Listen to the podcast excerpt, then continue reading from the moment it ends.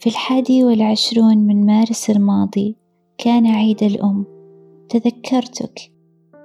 لا لشيء سوى لأنني أدرك مدى تعلقك بأمك. حينما تمرض والدتك كنت تنام في غرفتها ولا تكلمني. كم كنت أغار منها يا حبيبي. كان عزائي أن أبنائي منك سيحبونني بقدر حبك لها. وستمتلئ دنياي بنسخ بريئة من صلبك. كنت أفهم حينما تقول لي أنا ولا شيء بدونك بأنها قد خذلتك. كم كنت حنونا ولينا يا حبيبي.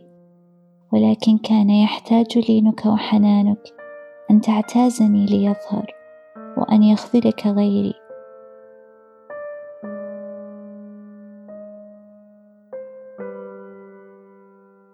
لكي تعيش عليك أن تخلق قيمة لفردة حذاء قديمة جلبتها لك سنارة الصيد وإن كنت تتضور جوعا.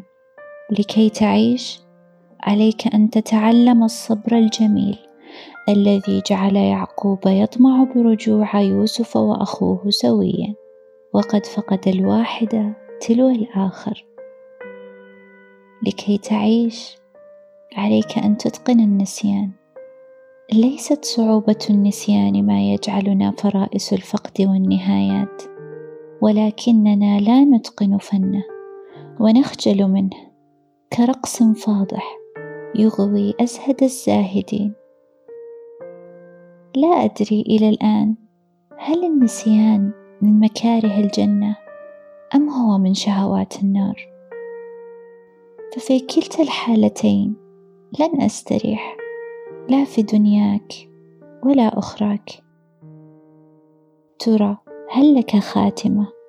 أم أنك أنت من يعرف كيف يعيش؟ حد الخلود. برأيك أيهما أهون عليك؟ أن تنام عاريا في برد الشتاء؟ أم أن تنام عاريا في برد الشتاء أيضا؟ ومعك كرة صوف وسنارتان.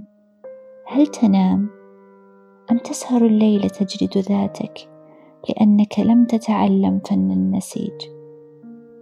وهل يعلم الجمل عن حجم السنام؟ نهاية. وقد كنا يوما للحب آية. والآن تأبى حسن الختام. بربك هل تنام؟ نتوقف هنا.